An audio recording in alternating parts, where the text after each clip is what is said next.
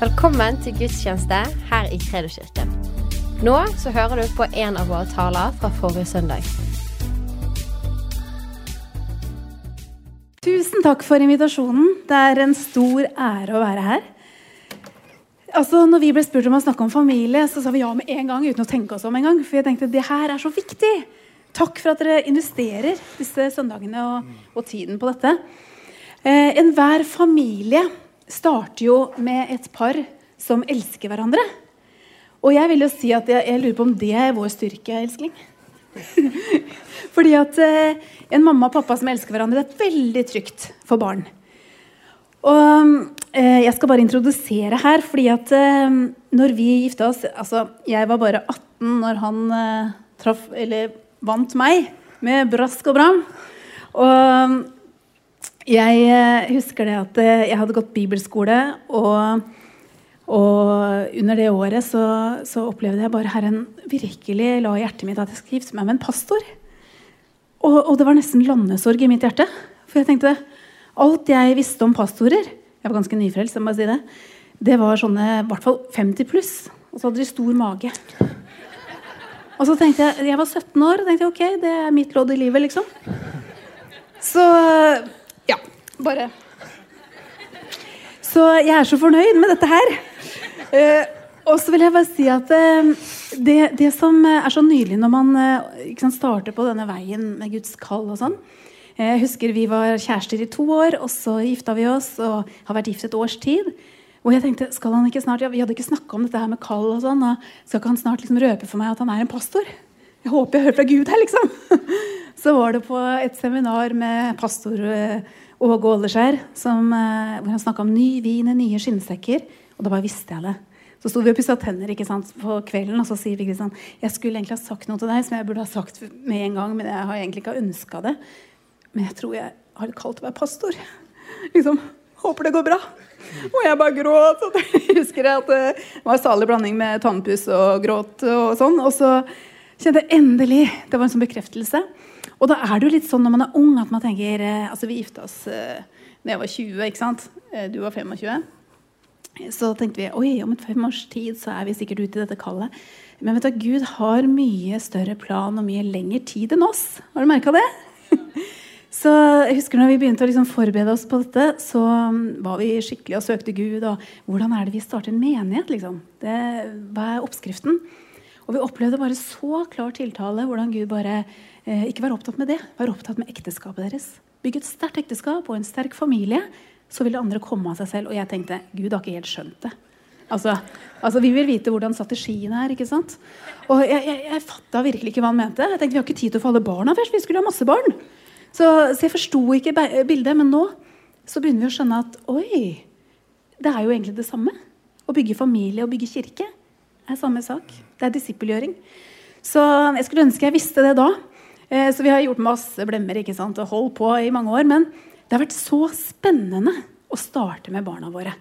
Eh, og det er et veldig sånn langvarig prosjekt. det her. Eh, altså du får jo ikke frukten før liksom, de er voksne og får sine egne barn. Og, og du begynner å skjønne å ja, har vi gjort noe bra, så ser vi det da. så, men det har vært utrolig fint å bygge familie med deg. Takk. og så vil jeg bare gi noe gratis til dere som ikke har en familie ennå.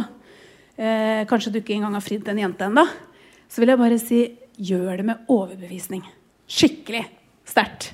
Fordi at eh, når vi var unge i gamle dager, så var det helt vanlig å definere seg som kjærester. og man bare satsa 100% ikke sant? Men i dag så merker jeg at datingkulturen er mer sånn ja, vi får se, vi forplikter oss ikke. ikke sant? Vi bare, vi, vi holder på. Så er det lett å skifte partner hvis det Altså, nå, det er faktisk sånn det er. Så vi som er troende, vi må være eksempler. altså. Satse 100% og ikke ha bakdøra åpen. Lykke til. Dette er kapteinen på skuta vår. Han starter ut. Gled dere. Tusen takk. Um, jeg får applaus for ikke å ha gjort noen ting. Det er fantastisk. Ja, vi tenkte at jeg skulle begynne, for da blir det bare bedre etterpå. Så, men det er jo fint. Vi skal lese et uh, ord også. Eh, hvis du vil slå opp i Bibelen, så kan du slå opp i Hebrebrevet, kapittel 11, vers 7. Og der står det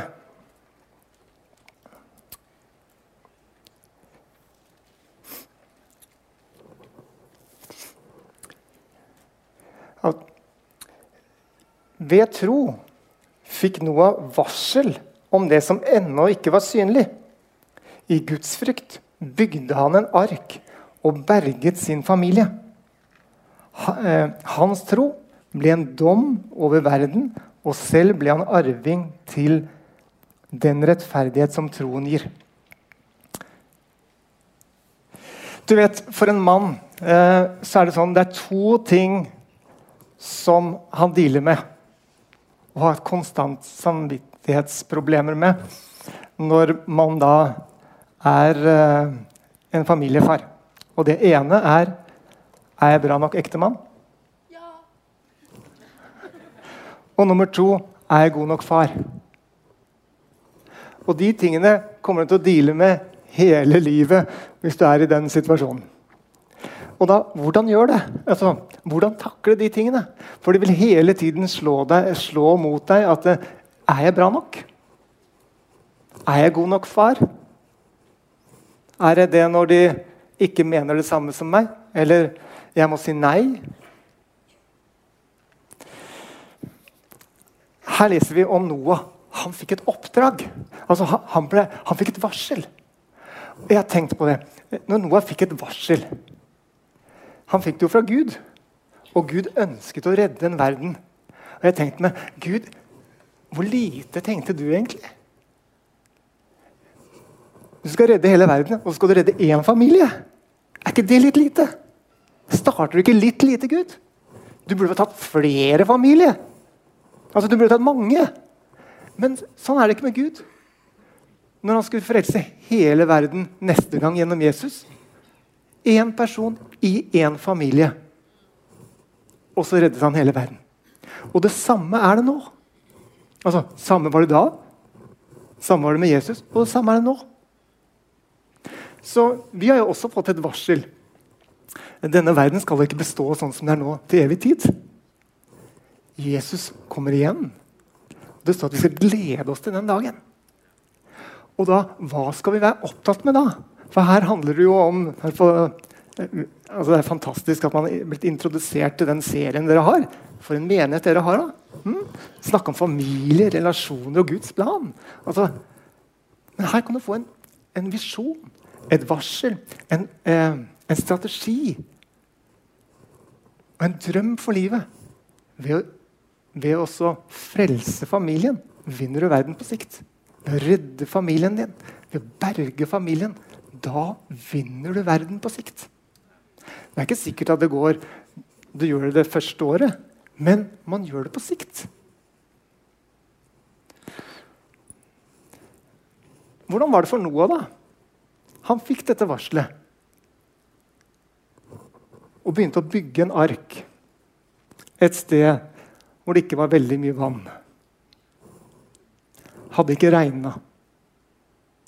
Jeg har tenkt på hvordan greide han å få denne drømmen og visjonen over til kona si?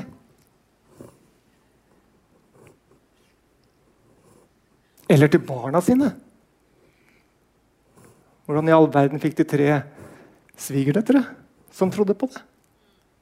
Og testen var jo ikke bare at det starten var sånn at ja, har vi stå med deg. Men når du har bygd på denne arken i 100 år, da, og det fortsatt ikke har vært noe regn Fortsatt er det altså, Det går ikke så bra i barnehagen og alt som er, fordi alle tenker jo at å ja, ok, faren din han derre litt spesielle som har en sånn derre hangarskip i hagen? Mm. Da kommer jo testen Kone, altså er kona med på samme visjon og drøm? Står dere sammen? Er det, er det, står familien sammen? Men tenk på å stå sammen som en familie. For når du redder din familie, så redder du verden. Eh, når i 2005 så gikk jeg på en pastorskole. Jeg gikk sammen med Per Ove også. Um, der had, uh, fortalte de om en undersøkelse i den svenske uh, pinsebevegelsen. Og Hvis du vet litt om kirkehistorie, så er det sånn uh, den ny, nyeste kirkehistorie da, så er jo den den kraftigste bevegelsen som har vært de siste 100 årene, det er den pinsebevegelsen. Og da gjorde man en undersøkelse blant svenske pinsevenner. Og vet du hva den undersøkelsen var? Jo, den var sånn at hvis pinsevennene i Sverige hadde vunnet sin egen familie og ikke vunnet én eneste utenfor, så hadde det vært én million pinsevenner i Sverige i dag. Er de det? Nei, for vi skal vinne alle andre, vi. Og så vinner vi ikke vår egen familie. Men det, sier ikke Jesus at vi skal gjøre alle folkeslag til disipler? Det er ikke bare utenfor, det er veldig innenfor òg. Innenfor i familien. Så skal vi ikke ta tilbake den misjonen. Det er ikke det at vi ikke skal gjøre misjon utenfor, men det blir så veldig mye krafter utenfor når det fungerer innenfor. For det er der det er, det er utfordrende. Er det ikke det, da? Å leve der å være autentisk der. Så det ikke blir som en annen familie vi leser om i Bibelen. Hvor det var en rettferdig mann, det også, som heter Lot. Men når han fortalte svigerdøtrene sine, nei, svigersønnene sine at nå er det et varsel, nå må vi dra, de bare lo han og tenkte at det er bra, du er bra til å ha litt sånn jokes og, og spøker og sånn. Det her var veldig bra. Nei, de trodde ikke på ham. Men i dag så vil jeg at du skal ha en visjon, en drøm. Når du gjør som Noah, redder familien, da redder du verden på sikt. Good preaching. Herlig. Ja, det her med å ha en visjon for uh, ethvert liv er jo viktig. Det har vi hørt. Uh, og jeg tenker det at uh, Jeg hørte det at man må ha en visjon for ekteskapet også. Og min visjon, vil du høre den? Den står i Ordspråkene 31. Hun gjør ham godt og intet ondt alle sitt livs dager. Det er litt å strekke seg etter. Så fortløpende trening på det der. Men en visjon for familien, da, dere. Eh, jeg har spurt alle barna. Alle er veldig tydelige på De vet hva som er oppdraget vårt. Og vi har sagt det. Vi skal elske Gud først av alt. Og så skal vi elske mennesker. Og så må vi huske på å nyte livet underveis. Jeg er en ordentlig livsnyter. skjønner du. Det er overført til alle mine barn. Eh, og vi har lært familien at vi finnes i denne verden for å berike den, velsigne den og fremme Guds rike. Og glemmer vi det her, så blir vi mye fattigere. Og det er faktisk sånn at Du kan ikke lyse opp en annen sti uten å lyse opp din egen. Så det å bli det vi er i stand til å bli, er egentlig det eneste målet i livet. Søke Guds rike først og hans rettferdighet, så får vi alt det andre i tillegg. Så vi trenger altså en hensiktserklæring for våre liv, hvert enkelt liv, og hver familie. Når vi eh, opplevde det kallet til å starte menighet, så skjønte vi det at det er jo noe vi gjør som familie. Det er liksom ikke mamma og pappa som, eh, som eh, Jo, vi går foran i toget, men liksom, vi må ha med barna på det. Og jeg har spurt barna at, hvordan har det vært egentlig å bygge menighet sånn ufrivillig. For de har jo ikke hatt noe valg. Ikke sant? De har bare vært med, og de er de første som møter opp på søndag, og de siste som går.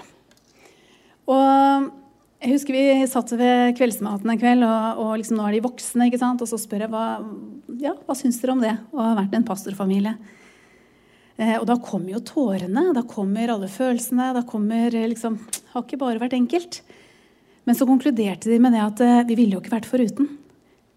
Fordi dere har lært oss å elske mennesker som vi ikke engang liker. Det var så fint sagt. For, det, det er akkurat sånn det er. At eh, kjærligheten går langt utover det. Og, og jeg syns det var litt sånn eh, rørende å høre at de, de syntes det var verdt det. da. Eh, men en hensiktserklæring for livene våre, det er, det er som å, å, ha noen verdier eh, som blir som en sånn, en sånn fyrlys på en, en svart eh, fjord. Ikke sant? At vi vet hvordan vi skal navigere i, eh, i livet. da.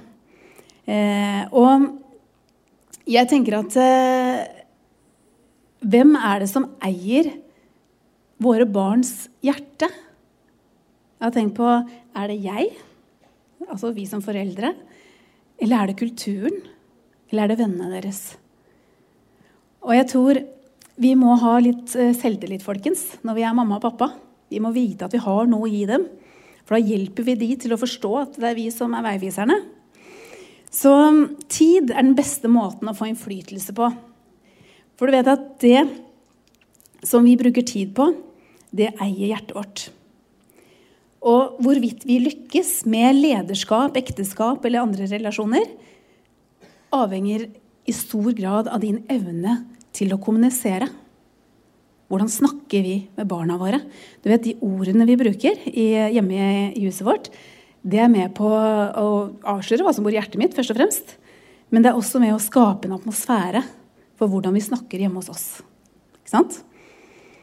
Og barna våre må bli tatt på alvor. De må kjenne at de er regna med. De må merke at det, det, er liksom ikke vi der oppe, og så er det barna. Men vi er på lik linje. Det, det syns jeg er så fantastisk gøy å høre når barna har blitt store, at de har følt at deres stemme teller fra de var fire år. liksom. At vi, vi er en viktig stemme. Så hvordan du snakker med barna dine, blir jo egentlig deres indre stemme. Det er det de vil høre inni seg, det vi har fortalt dem, hvem de er. Og hvordan kommuniserer jeg mine verdier? Det læres jo ikke ved at jeg sier det én gang, men jeg må leve det og preke det gjennom livet mitt. Det er jo utfordringen.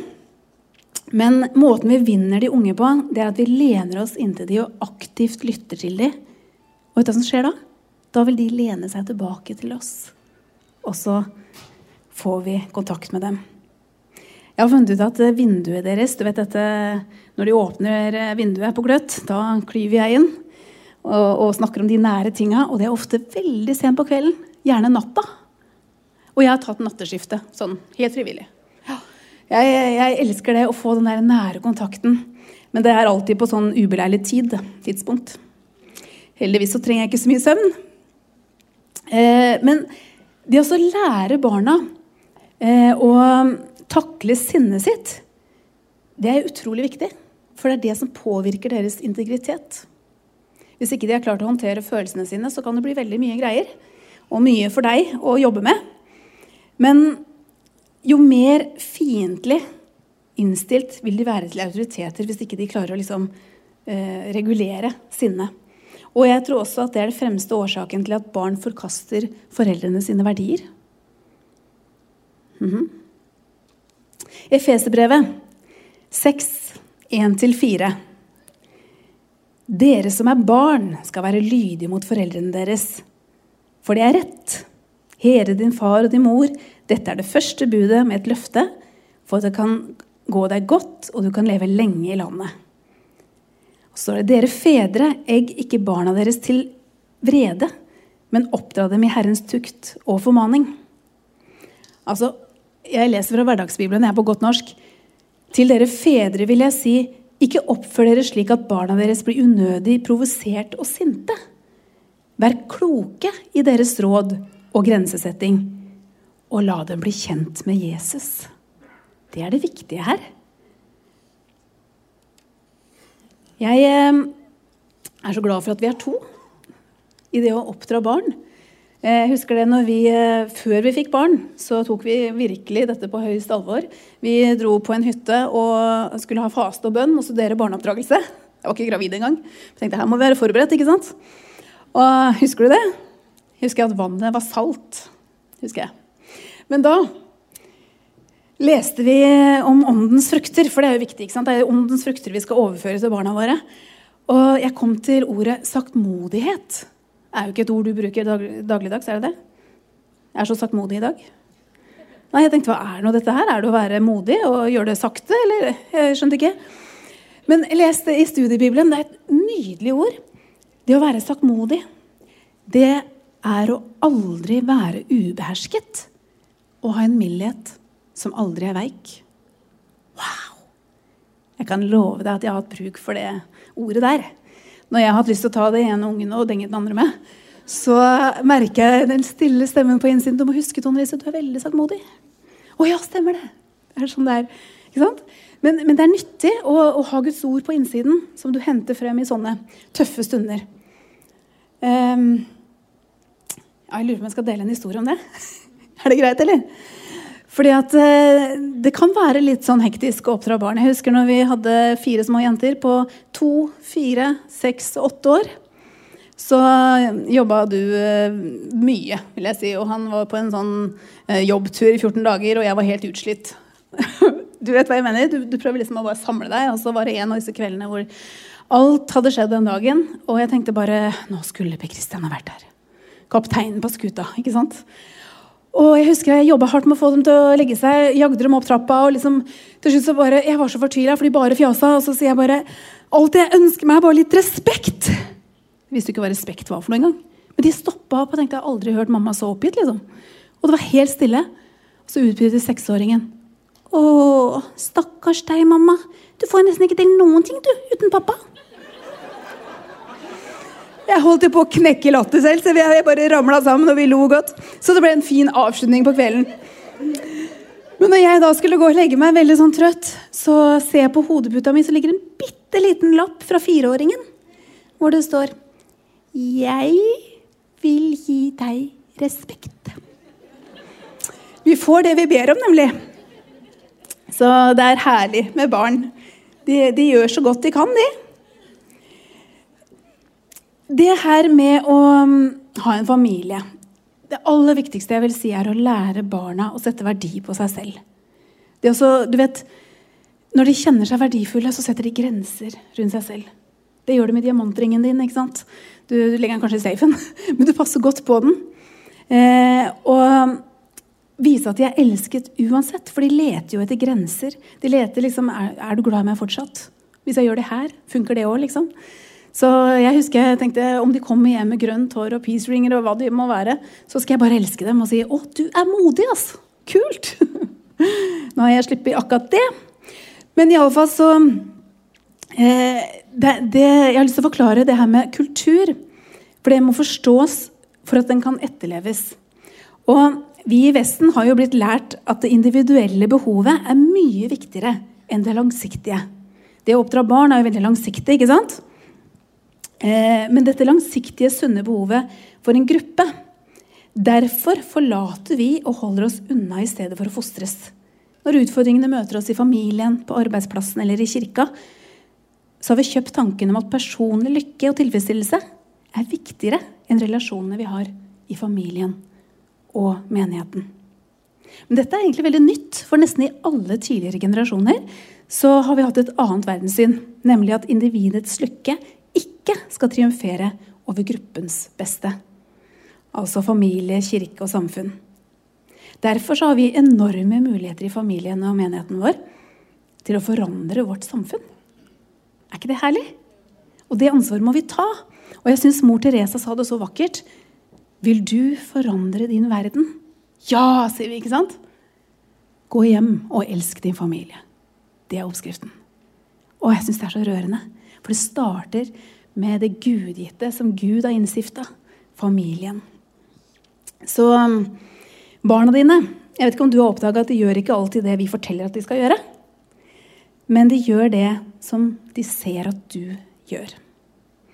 Så barna dine de vil egentlig reflektere om du var en god modell for dem. Om vi har hatt innflytelse på dem. Og det syns jeg var litt sånn eh, skremmende tankevekker. Men det er jo faktisk sant. Eh, vi ser egentlig ikke fruktene av det ikke sant? før de er voksne. Ser hva slags valg tar de? Hvordan er det de etterleves? Og så har vi det her med relasjoner. Jeg tror at det er verdens viktigste vitenskap. Det å lære barna og, og hverandre, og det er en pågående prosess, det her, lære oss hvordan vi behandler hverandre. Da får du et veldig godt liv hvis du har lært deg å håndtere eh, andre mennesker på en bra måte. Eh, og det å lære å sense grensene til den andre det er en veldig sånn, viktig faktor i en relasjon. Hos oss så går vi sammen til menigheten. Det har vi gjort i alle år. Og vi har aldri hatt noe spørsmål om du skal være med eller ikke. Er, vi kaller det frivillig tvang. Funka som var det. Men det var en av disse morgenene hvor jeg skulle vekke sønnen vår til gudstjeneste. Han var syv år gammel. Og jeg bare merka at han liksom Skal vi til kirka igjen? liksom. Og så sier han, 'Mamma, Du må skjønne det at det, er ikke veldig enkelt for en liten gutt som meg å stå opp hver eneste søndag for å gå i kirka. Nei, jeg forstår det, Lloyd. Jeg satte meg ned på kanten og skulle liksom bare forklare at du vet, nå er det vi som eh, har ansvaret for deg, men når du er blitt voksen, da kan du få lov å velge når du flytter hjemmefra. Men sånn er det her. For jeg har ansvar for din åndelige helse. Ja, ja, ja, ja. Ikke si noe mer, sier han. Jeg, jeg har ligget her og tenkt litt. Og så har jeg tenkt det at jeg vil jo bli en sånn god pappa som pappa er. Da er det bare å stå opp og gå i kirka, da. Han hadde skjønt noe. At det er der jeg lærer hvordan jeg skal bli en god far. Så det å, det å, lære barna at kirken ikke bare er en aktivitet eller en hvileplass hver søndag Vi har kirke 24-7 i syv dager. Ikke sant? De, altså menigheten kommer hjem til oss, og vi har hatt et åpent hjem på godt og vondt. Men vi praktiserer kjærlighet i hverdagen med stadig å berøre, begeistre og bekrefte hverandre. Det er at mamma og pappa viser at vi elsker hverandre. Det er ikke farlig. Altså Litt flaut for ungene når det er helt små, kanskje, men så har de uttrykt at de har syntes det har vært trygt. Ikke sant? Og så er det noe med det der med underordning. Det er jo ikke noe populært ord, har jeg skjønt. Men det å underordne oss Gud og hverandre er enormt viktig for å ha litt sånn orden i familien. Ikke sant? Vi underordner oss i kraft av at vi har noen roller. Pappa er hodet i familien. Mamma er mamma. Det er sånn som barna våre sier. Jeg vet at pappa er sjefen, mamma, men nå er jo ikke pappa her. Det er vel du sjefen. Ja. Jeg liker det òg. Men eh, det å underordne oss hverandre, lydighet gir visdom og selvdisiplin. Og jeg har funnet at underordning er egentlig løsningen på opprør. For opprør vil jo komme. Men hvis man har lært grunnleggende det at å ja, underordning er Guds måte. Og så har vi lagt vekt på at vi vil lære barna eh, karakter og verdier framfor aktiviteter og prestasjoner. For du vet, trofasthet er grunnmuren i familielivet. Egentlig karakterens eh, hjørnestein. det. I 2. Timoteus 2,2 så står det det du har hørt av meg i mange vitners nærvær, overgi det til trofaste mennesker som også er i stand til å lære andre. Dette er prinsippet for disippelskap. Vi forvrenger dette ofte og omskriver det til overgi det til mennesker som skal bli trofaste. Tenk på det. Men Gud overgir ting til mennesker med karakter, ikke bare talent. Denne forvrengningen danner egentlig grunnlaget for problemer i ekteskap og kirke og forretningsliv. Så det vi har lagt masse vekt på, det har ungene liksom skjønt når de er blitt voksne, at dere har liksom ikke krevd at vi skal ha sekser i alle fag. Dere har liksom ikke hatt noen sånne forventninger til oss. Men dere har hatt veldig forventninger til gudslivet vårt. Og det er vi glad for. Men det, det, de har liksom stussa over at vi ikke har uh, pesa de med å få gode karakterer. Men vi har eh, Jeg tenker at eh, gudslivet er det som skal bære de gjennom livet. At de lærer å ta egne valg. ikke sant? Og vi kan jo ikke følge dem når de har flyttet hjemmefra. Da må de ha lært seg ikke sant? å ha en var samvittighet. Så kan vi jo spørre oss selv hva er det som gjør at eh, barna kan forlate troen da, når de blir studenter. For det var jeg også veldig sånn spent på. Man kunne ikke si med sikkerhet kommer de til å ta gode valg, kommer de til å, å melde seg inn i en menighet. ikke sant? Eh, kanskje de har fått det helt opp her. Man vet jo aldri. Men det er en undersøkelse som sier at 59% av 19-29-åringer faller fra troen. Det blir så mange andre ting som er viktige hvis ikke grunnlaget var på plass. Og Det er tre ting spesielt som nevnes. og Det er at det er for lite disippelgjøring og for mye underholdning på ungdomsmøtene. Så har vi jo sant, skilt generasjonene veldig. Og da er det for stort gap mellom generasjoner for overføringen av visdommen. Og så er det for stort sprik mellom liv og lære. Så her må vi skjerpe oss, folkens. Per Kristian, du eh, er eh, vår eh, sjef. Jeg er så glad for det. At vi har en tydelig mann i huset. Og jeg elsker han der. Vær så god. Jeg, jeg syns det er helt greit med sånne introduksjoner, altså. Um, sjef um, Ja, jeg, jeg, er kaptein på skuta. Det er jeg. Og hva er det? Hva er å være kaptein på skuta? Eh, fordi I 1. Tessalonikerbrev 4, 4 så står det at eh, enhver mann skal vite hvordan man skal vinne sin hustru, eller sin kone, da, i hellighet og ære. Um, jeg leste det og satt i halsen en dag. altså eh, For en stund siden. da. Det var før jeg traff Trond Lise. Fordi jeg var så feig som mann. Jeg skulle aldri fri til noen. Jeg var så livredd å få ja. Nei. Eh, altså nei. Så derfor tenkte jeg nei, da løser vi det ved at jeg aldri kommer til å ta kontakten med det motsatte kjønn.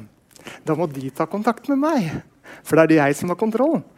Men så står jeg 'vinne'. Åh, for et fælt ord! Det står jo i Bibelen nå. Hva skal vi gjøre med det? Og da tenkte jeg 'vinne'. Jeg skjønte at da må jeg satse. Og da må jo den der stoltheten over å mislykkes, den må graves ned i søpla. For da må jeg faktisk ta den sjansen at det, det kan jo hende jeg kan få et nei. For den som intet våger, intet vinner.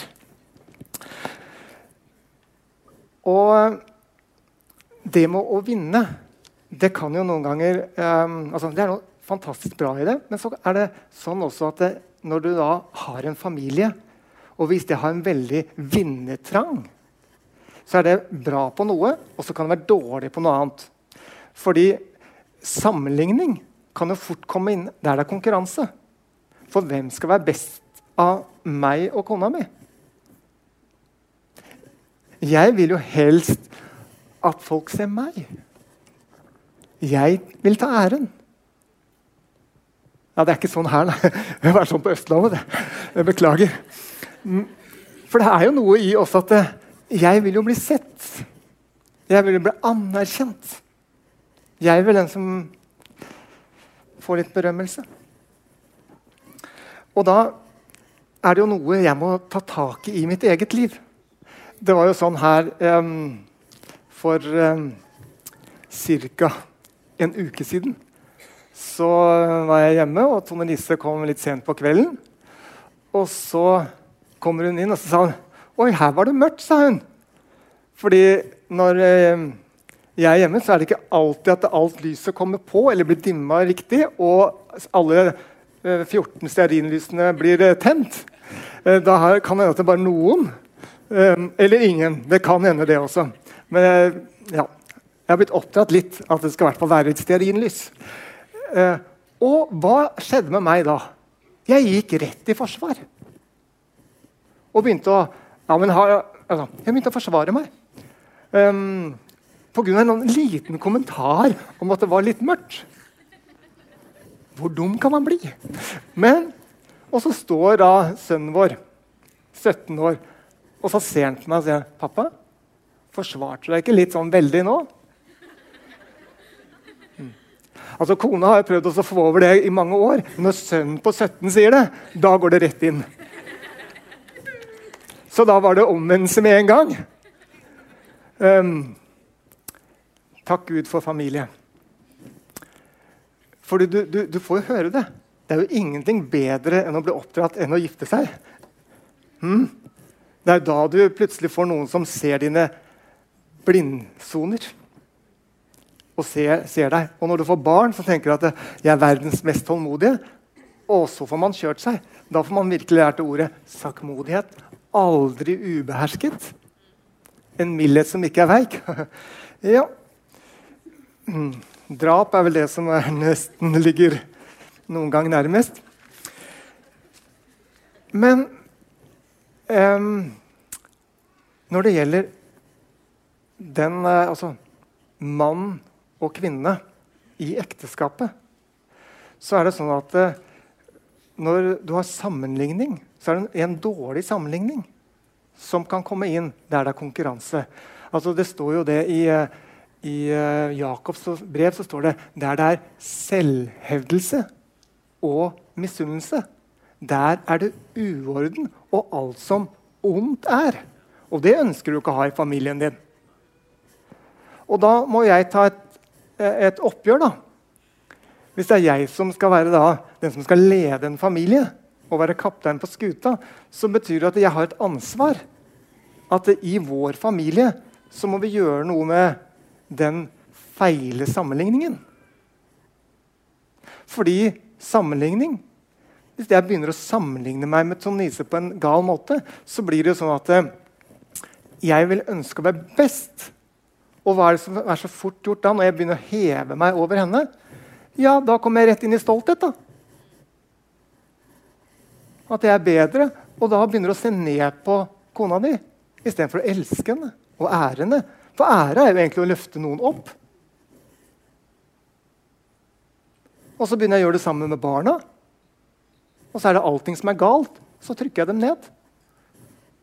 Og det er vel ikke den eneste, Jeg håper ikke jeg er den eneste som bare har gjort det her.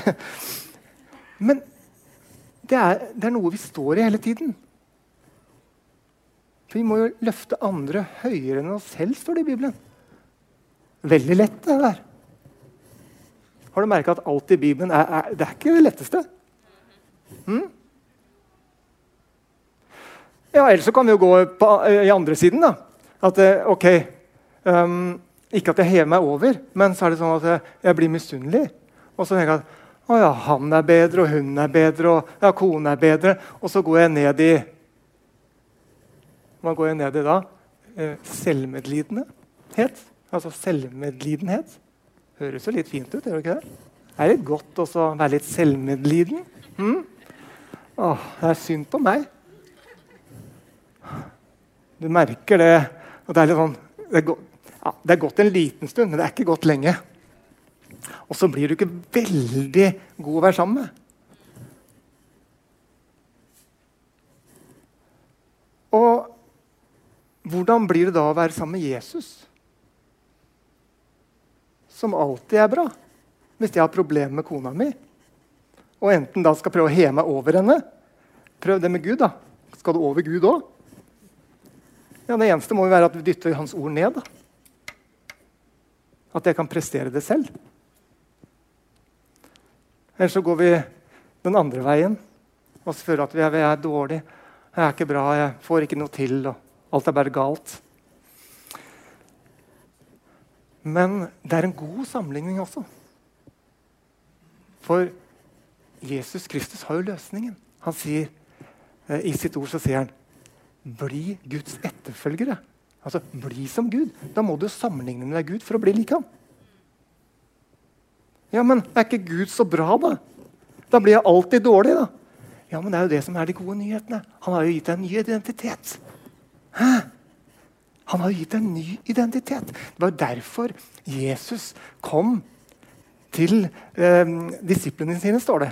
Og så begynte han å undervise dem på det fjellet. Bergprekenen kalles jo prekenen. Eller den talen han hadde. Og så Kanskje disiplene hadde begynt å blitt sånn, tenkt at nå begynner vi å bli ganske bra. Vi har vært sammen med Jesus, og så var det noen fariseere der. De, de, visste jo at ja, vi er jo i hvert fall bra. Bra nok i oss selv. Så sier Jesus at um, dere har hørt deg sagt, sa han, at du skal ikke, du skal ikke myrde. Og da tenkte man Peter tenkte det at ja, jeg myrder jo ikke. Jeg begynner å få det til loven er egentlig ganske bra. altså. Jeg myrder jo ikke og stjeler ikke. og Det er masse jeg ikke gjør. så er Perfekt. Og så sier Jesus, 'Men jeg sier dere' Hva kommer nå, da?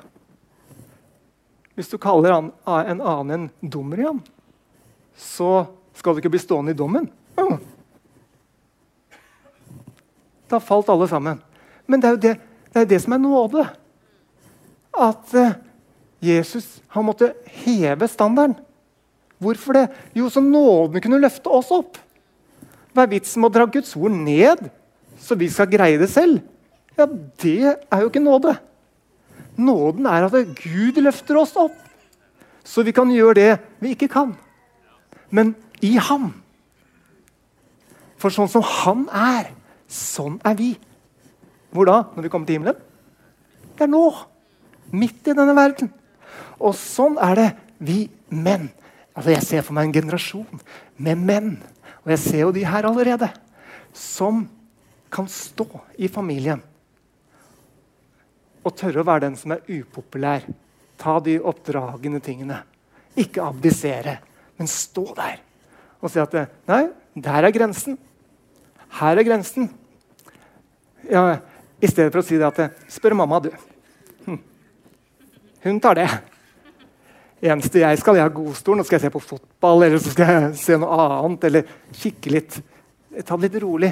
Jeg må jo være den som eh, altså Jeg må jo feel good, jeg også. At eh, Ja, du får lov til det. er klart det. Pappa er den, han er greie. Han, du får lov til alt. Mm. Mamma er den kjipe. Herlig. Da har vi fordelingen i familien vår. Nei, nei, nei. Noen har sagt til meg det, det må jo være vanskelig å være gift med hun der Tone Lise. Hun er jo så synlig.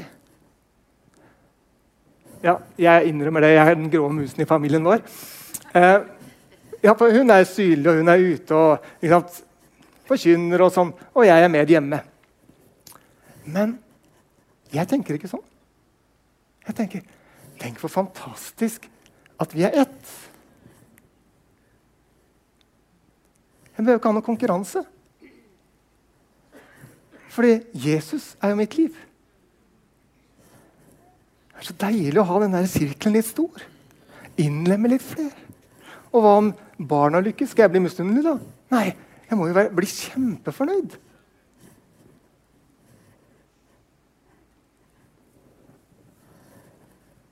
Er det ikke det som er gøy, da?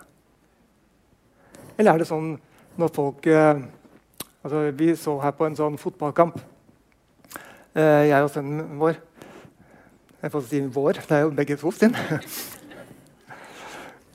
og så eh, vant jo det laget vi heia på. Uten å fortelle det, hvilket lag det var. Men det var en ligacupfinale. Uh, og så De har røde drakter og begynner på L. Og så Og hvis du la merke til det da Hele laget feira. Det var jo ikke sånn at det keeperen det var ikke, altså Nå var det vel han som skjøt en straffe og skårte om, men det er ikke sånn at å, jeg får ikke spille helt fremst, jeg må bare være bak. Og, og er sur og er selvmedlidende etter kampen. Eller en i forsvar. Altså, det er hele laget. Og sånn er det med familie òg. Det er ikke at jeg går i selvmedlidenhet eller, eller 'Å ja, ingen ser meg'. Ja, men takk Gud for at de ser noen andre i familien, da. Takk for at det går bra med familien. For jeg har ansvar i familien. Jeg tenker sånn at Hvis det er noe som ikke fungerer i familien, det, da må jeg gjøre noe med det. Det er ikke alltid jeg har tenkt sånn. Jeg tenker jo noen ganger altså, mange, Eller mange ganger. Ja, ok, mange ganger. Jeg har sagt eh, det må du ordne, Tone Lise. Du er jo best på det. Og det, de fleste tingene så er jo hun best på det. Det er jo det. Men det er deilig å delegere. Mm. Men poenget er det er ikke hvem som, gjør det, som er hele poenget. Det er at det blir gjort. Og at vi, det blir noe som blir for hele familien.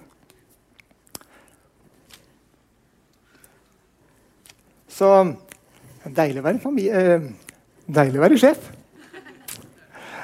Jeg tror du må avslutte, Tone for ellers tror jeg vi går helt feil her.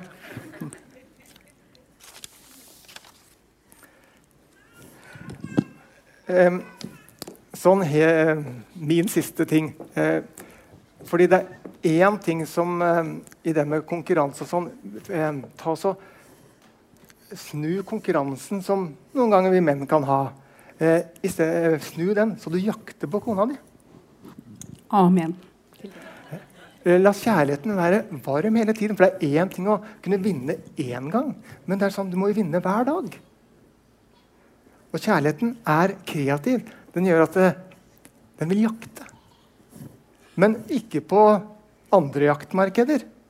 Men på den som du har blitt sammen med, den du har gitt ditt liv til, den du har giftet deg med, og blitt ett med. At vi kan jakte på hverandre. Jeg kan jakte på deg. Herlig. Ja. altså, jeg må si jeg er veldig takknemlig for uh, at du skjønte det, Kristian. At du må ta ansvar. Når vi var kjærester vet du, de to årene, så tok han veldig ansvar sånn åndelig. Og, og, det å sette grenser selvfølgelig i forholdet sånn seksuelt og sånn. Så du var veldig enkel å være kjæreste med. Men jeg må si, etter tre måneder eh, som kjæreste så tenkte jeg skal vi bare be dette forholdet? Når skal vi begynne? Ja, du vet. Men, eh, men, det har gått veldig bra. Og, og liksom, han hadde kommet gjennom i, i bønnelivet sitt. Og jeg holdt en, eh, en, tale om dette her på en stor konferanse, og så, det, så, sa jeg det da, at det mest maskuline jeg kan tenke meg, det er en mann som står og grytidlig hver morgen og ber for familien sin. Og det mener jeg. Det har betydd så mye. Det sier barna, og det er så trygt ikke sant? med en pappa som ber. Så var det en mann som kom frem til meg på slutten, og så sier han Jeg har aldri hatt noe egentlig selvtillit på å være far, da. Ikke ektemann egentlig heller. Jeg bare følt meg veldig unnselig. Og når du sa det, at det er den mest maskuline du veit, å stå opp tidlig og be for familien sin, det har jeg i hvert fall gjort. Det var som et håndtrykk fra himmelen at han er fornøyd med meg. Jeg syns det er eh, verdt å merke seg at uh, ta det åndelige ansvaret. Hvis ikke så gjør vi det som kvinner. ikke sant? Og jeg kjenner så mange kvinner som sier jeg skulle ønske at det var mannen min som dro. ikke sant? Vi trenger det. Når ting ligger nede, så trenger vi en som liksom Hei, vi må komme sammen og be. Så tusen takk. Du vet, jeg sier ofte det til deg. Eh, det er en annen ting også som du er veldig rå på, og det er å ha skapt en plattform for tilgivelse. Barna sier det at eh, altså, vi har praktisert tilgivelse, altså omvendelse. Det er ikke noe sånn uh, ordentlig forsoning hos oss. Altså. Det er ikke bare å si 'unnskyld meg'. Per Kristian har sittet gjerne én til to timer med et barn for å få det til å omvende seg. Det, det, kan være ganske vanskelig. Du er en tålmodig mann. Men det å ha lært i forskjell da, på både unnskyld og tilgivelse og tilgivelse og forsoning, er enormt viktig. Fordi eh, tilgivelse er et valg om å ikke se seg tilbake. Og da krever det egentlig bare én person. Du kan bestemme deg for å tilgi, selv om den andre velger å fortsatt være bundet og leve i utilgivelse. Men når det handler om forsoning, så er det veien du går etter at du er tilgitt. Hvordan vi behandler hverandre da. Og det krever alle parter. Dette er eh, evangeliet og frelsen i et verk. Men dere, beskyttelsesfaktorer må vi snakke litt om. For hva er det som hjelper oss? Jeg har lyst til å lese Salme 34, vers 12-14 for deg. For greier vi det som står her, da er vi et stykke på vei, altså. I både barneoppdragelse og, familieliv.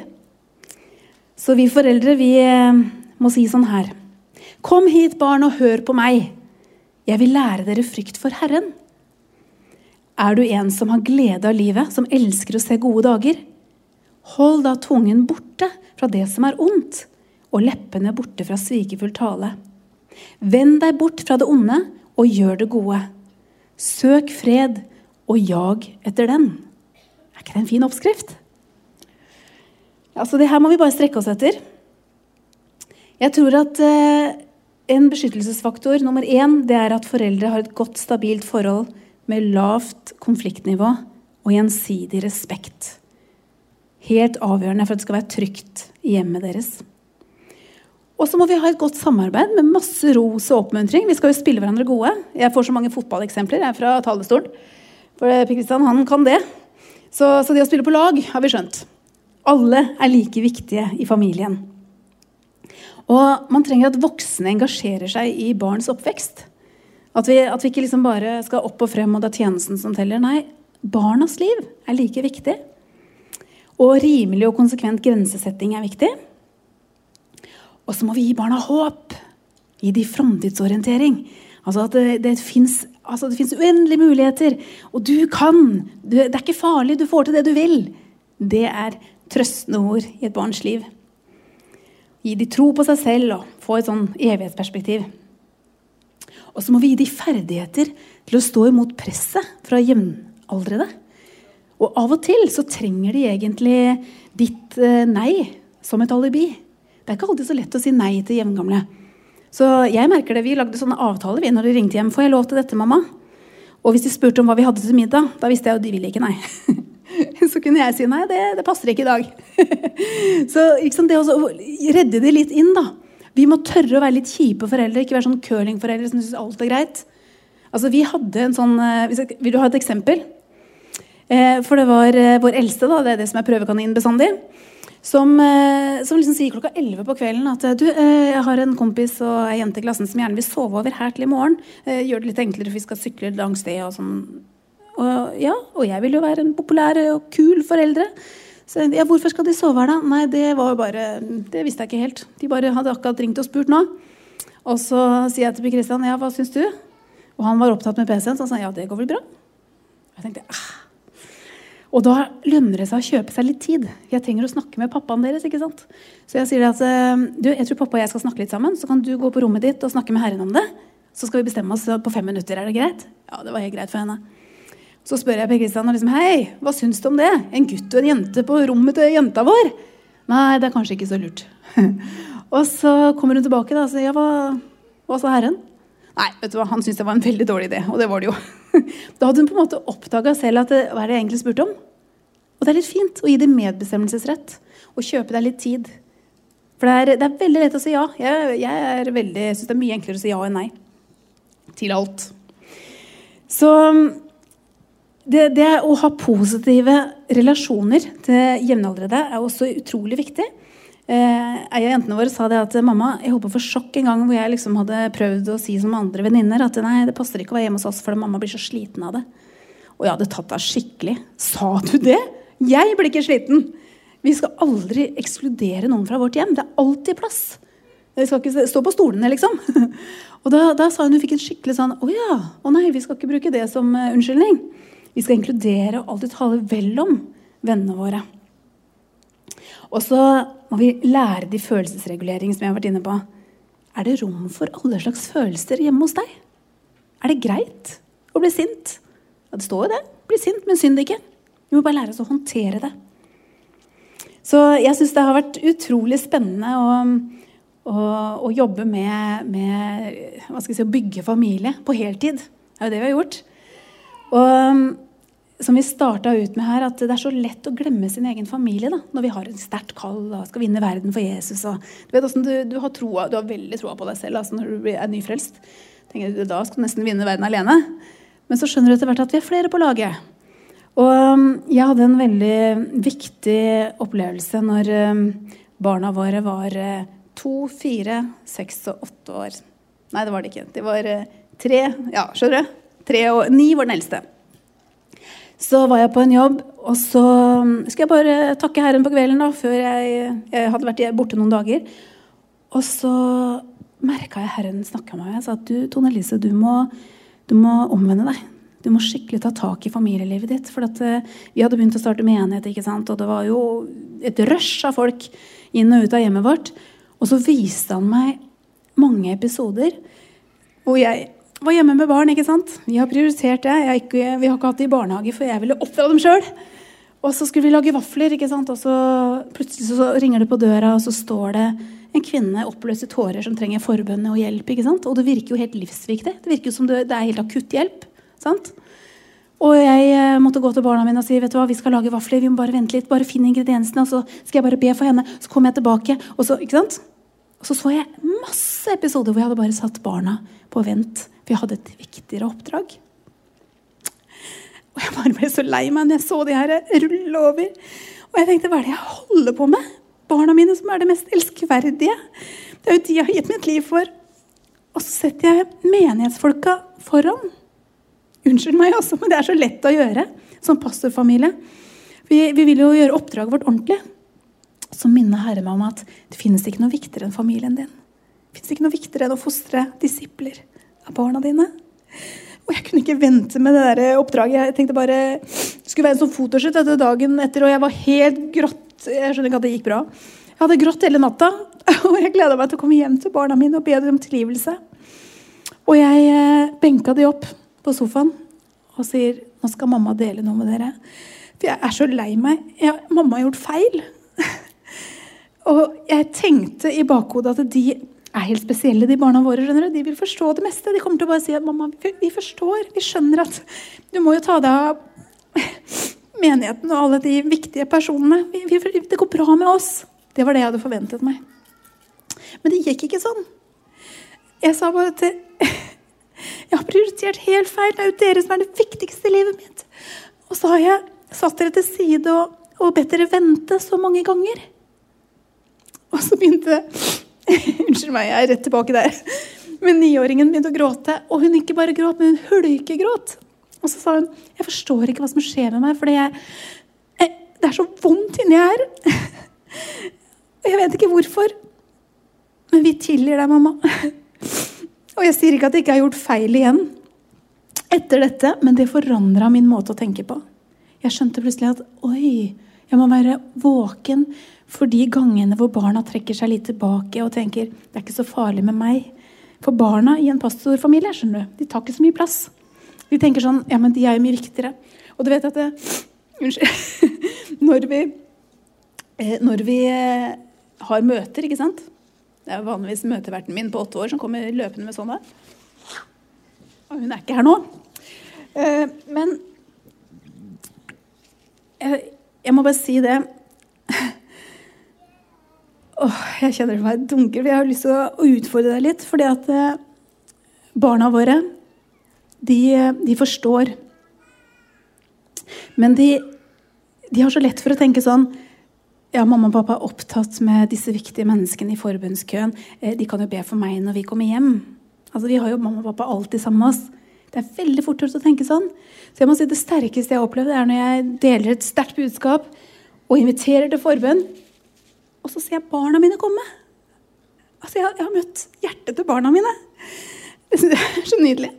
Så det å ikke holde de på en måte utenfor den greia, da, med at dette gjør vi sammen Og jeg må jo si, når vi har hatt seks barn, så tenker du av og til Jeg lurer på om de blir sett alle sammen. Jeg lurer på om de føler at, liksom, at jeg har gitt dem nok tid. og Man føler seg utilstrekkelig, akkurat som du delte. Og var en gang jeg sa til Herren at eh, da begynte vi å bli tenåringer. Og så sier jeg at herre, hva, når du har liksom et veldig spenn da, på barna Så ikke jeg ser den minste, ser den eldste. Eh, du må hjelpe meg, Herre. Og så var det som om Herren bare bekrefta for meg. For samme uke så var jeg ute og kjørte ikke sant, med den ene og den andre. Og da har du gode samtaler vet du, i bilen. Så da var det den ene datteren vår som sa mamma, jeg må ta opp en ting med deg. For det er så lett å merke at jeg er favoritten din. Vær så snill, ikke vis det så tydelig. Det er veldig kjipt for de andre, ikke sant? Og jeg bare Ja, det er sant. Oi, det var, det var fint du sa til meg. Det skal jeg prøve å huske på. Prøve å se de andre òg. Og sånn kom de på tur vet du, og sa til meg og ville bare gjøre meg oppmerksom på at jeg vet at jeg er favoritten din. Oi, du òg, liksom. Så, så, det har gjort at jeg har kalt alle favorittene mine. De vet jo det. Og nå forrige uken altså, sier eh, åtteåringen ja, men mamma, det sier du til alle barna dine. Ja, for dere er favoritten min alle sammen. Men det var sånn håndtrykk fra Herren at det, altså, du kan, jo tenke, du ikke, kan ikke velge hvilke barn du er mest glad i, men du er glad i det barnet som trenger det mest. akkurat der og da. Ikke sant? Det er den som trenger trøst, og den som trenger eh, omsorg. Så det, den kjærligheten som Gud har planta her, den er nok for alle. Til og med til deg. Og det er helt fantastisk å bygge familie sammen. Jeg har lyst til å bare oppmuntre deg med det. At eh, du står ikke aleine. I Hebrebrevet 4,16 står det La oss komme frimodig til tronen for vår nådefulle Gud. Der får vi Hans barmhjertighet, og vi finner nåde til å hjelpe oss når vi trenger det mest. Halleluja. Vi får hjelp av Herren. Og det må vi huske på alltid, at vi står ikke aleine. Så om du kjenner nå liksom at å ja, å, det er mange ting jeg har gjort feil. Ja, jeg er også velkommen i klubben. Men det er ikke for seint å gjøre om på ting og be om tilgivelse og rydde opp. Det er det som er så herlig med å ha blitt voksne. vet du. Vi kan se tilbake på livet vårt og så kan vi ta med barna på evalueringen og si hva er det vi gjorde bra, hva er det som ikke gikk så greit. Og så er barna dine også så nådige med deg. Så jeg har lyst til å gratulere deg med familie. Og du som ikke har stifta familie ennå, det er håp. Du kan glede deg. Det er det beste i verden. Gud velsigne deg. Vi tar en liten bønn. Per Kristian har lyst til å si noe. Jeg fikk bare et budskap i tunger. Jeg tror i hvert fall jeg har fått det. Og så deler jeg det. Alla rete per si forte le pi, e je cœur de le vie, a se carte le si cente, ma e le si corto la pati,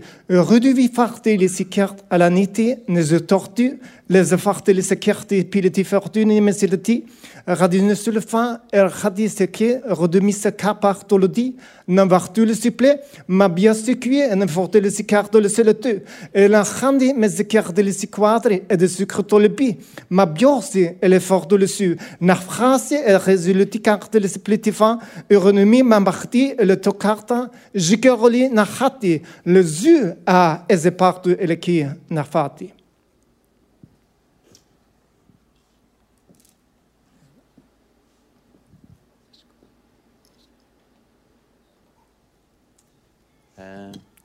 Så eh, som, De tankene som fylte meg når du delte her, det er noen som sitter her og du føler det at det er for seint å reparere. Det er noe som har gått galt i familien, kanskje i foreldrerollen, og så har det gått galt. Men det er akkurat som Den hellige ånd vil si til deg, at det er ikke for seint. Eh, du skal rett og slett bare erkjenne sannheten. Og så skal du ta imot tilgivelse fra Gud. Bare si det sånn som det er.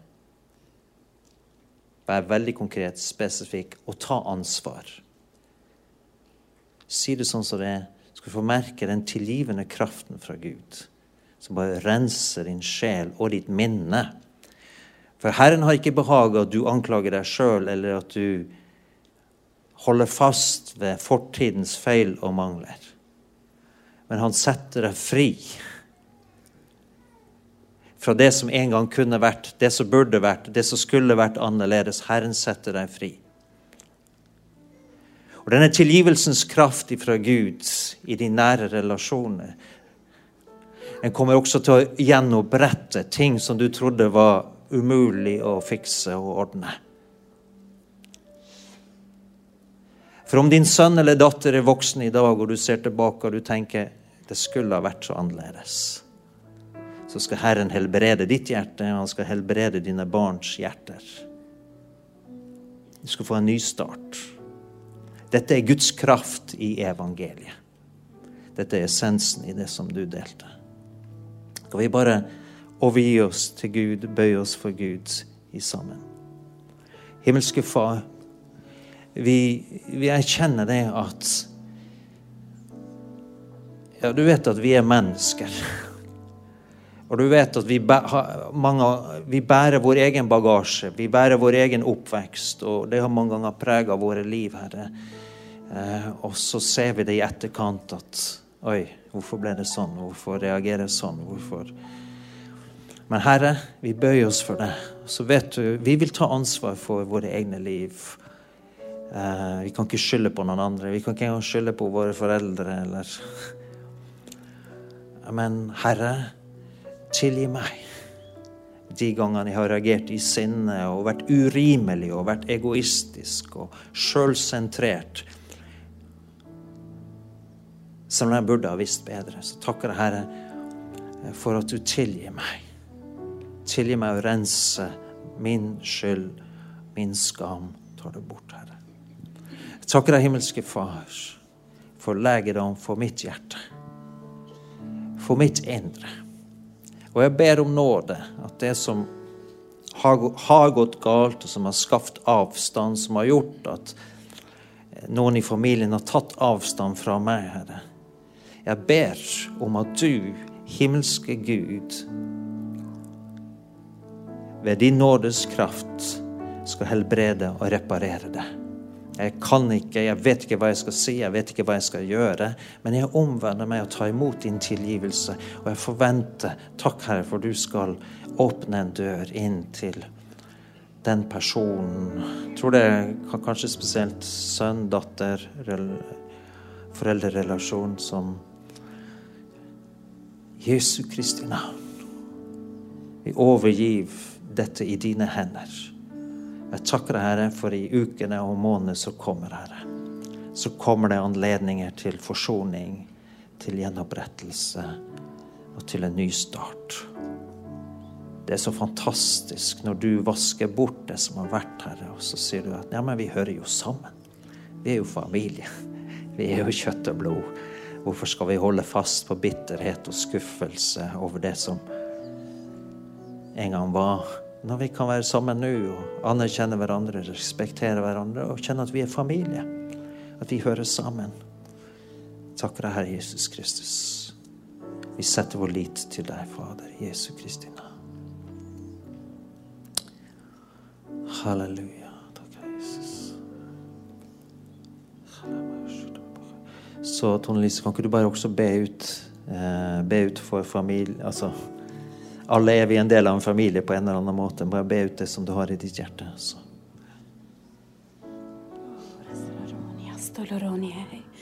Å, far, jeg takker deg. Å, jeg takker deg, Herre Jesus. Takk at du har tilsyn med vår sjel, Herre. Du vet hvordan vi har det inni oss. Du vet hva vi trenger nå. Takk at du møter den enkelte far sånn som bare du kan. Tusen takk, Herre, at du er en nådig og barmhjertig Gud, rik på miskunnhet. Gjest. Jeg tror jeg bare må bringe den eh, Jeg tror jeg fikk en tydning på på dette budskapet som Kristian kom med. Eh, la quese la fijo. Eila simanende. Til frihet har Kristus frigjort deg. Stå derfor fast. La deg ikke igjen tvinge under trelledommens åk. Nei, stå fast, stå djevelen imot. Det er han som skal fly. Det er framtid og håp for deg. For det er aldri for seint. Det er ikke for sent for deg. Gi meg alt. Gi meg din bekymring. Gi meg din fortvilelse. Gi meg alle de vonde følelsene av forkastelse. For jeg er Herren din Gud. Det er jeg som hjelper deg. Det er jeg som gir deg framtidstro og håp for ditt liv og din familie. Nå er det tid for å reise seg og stå fast. Stå djevelen imot. Det er han som skal fly fra dere. Tusen takk for at du lyttet. Følg oss gjerne på Instagram og Facebook, og så snakkes vi neste uke.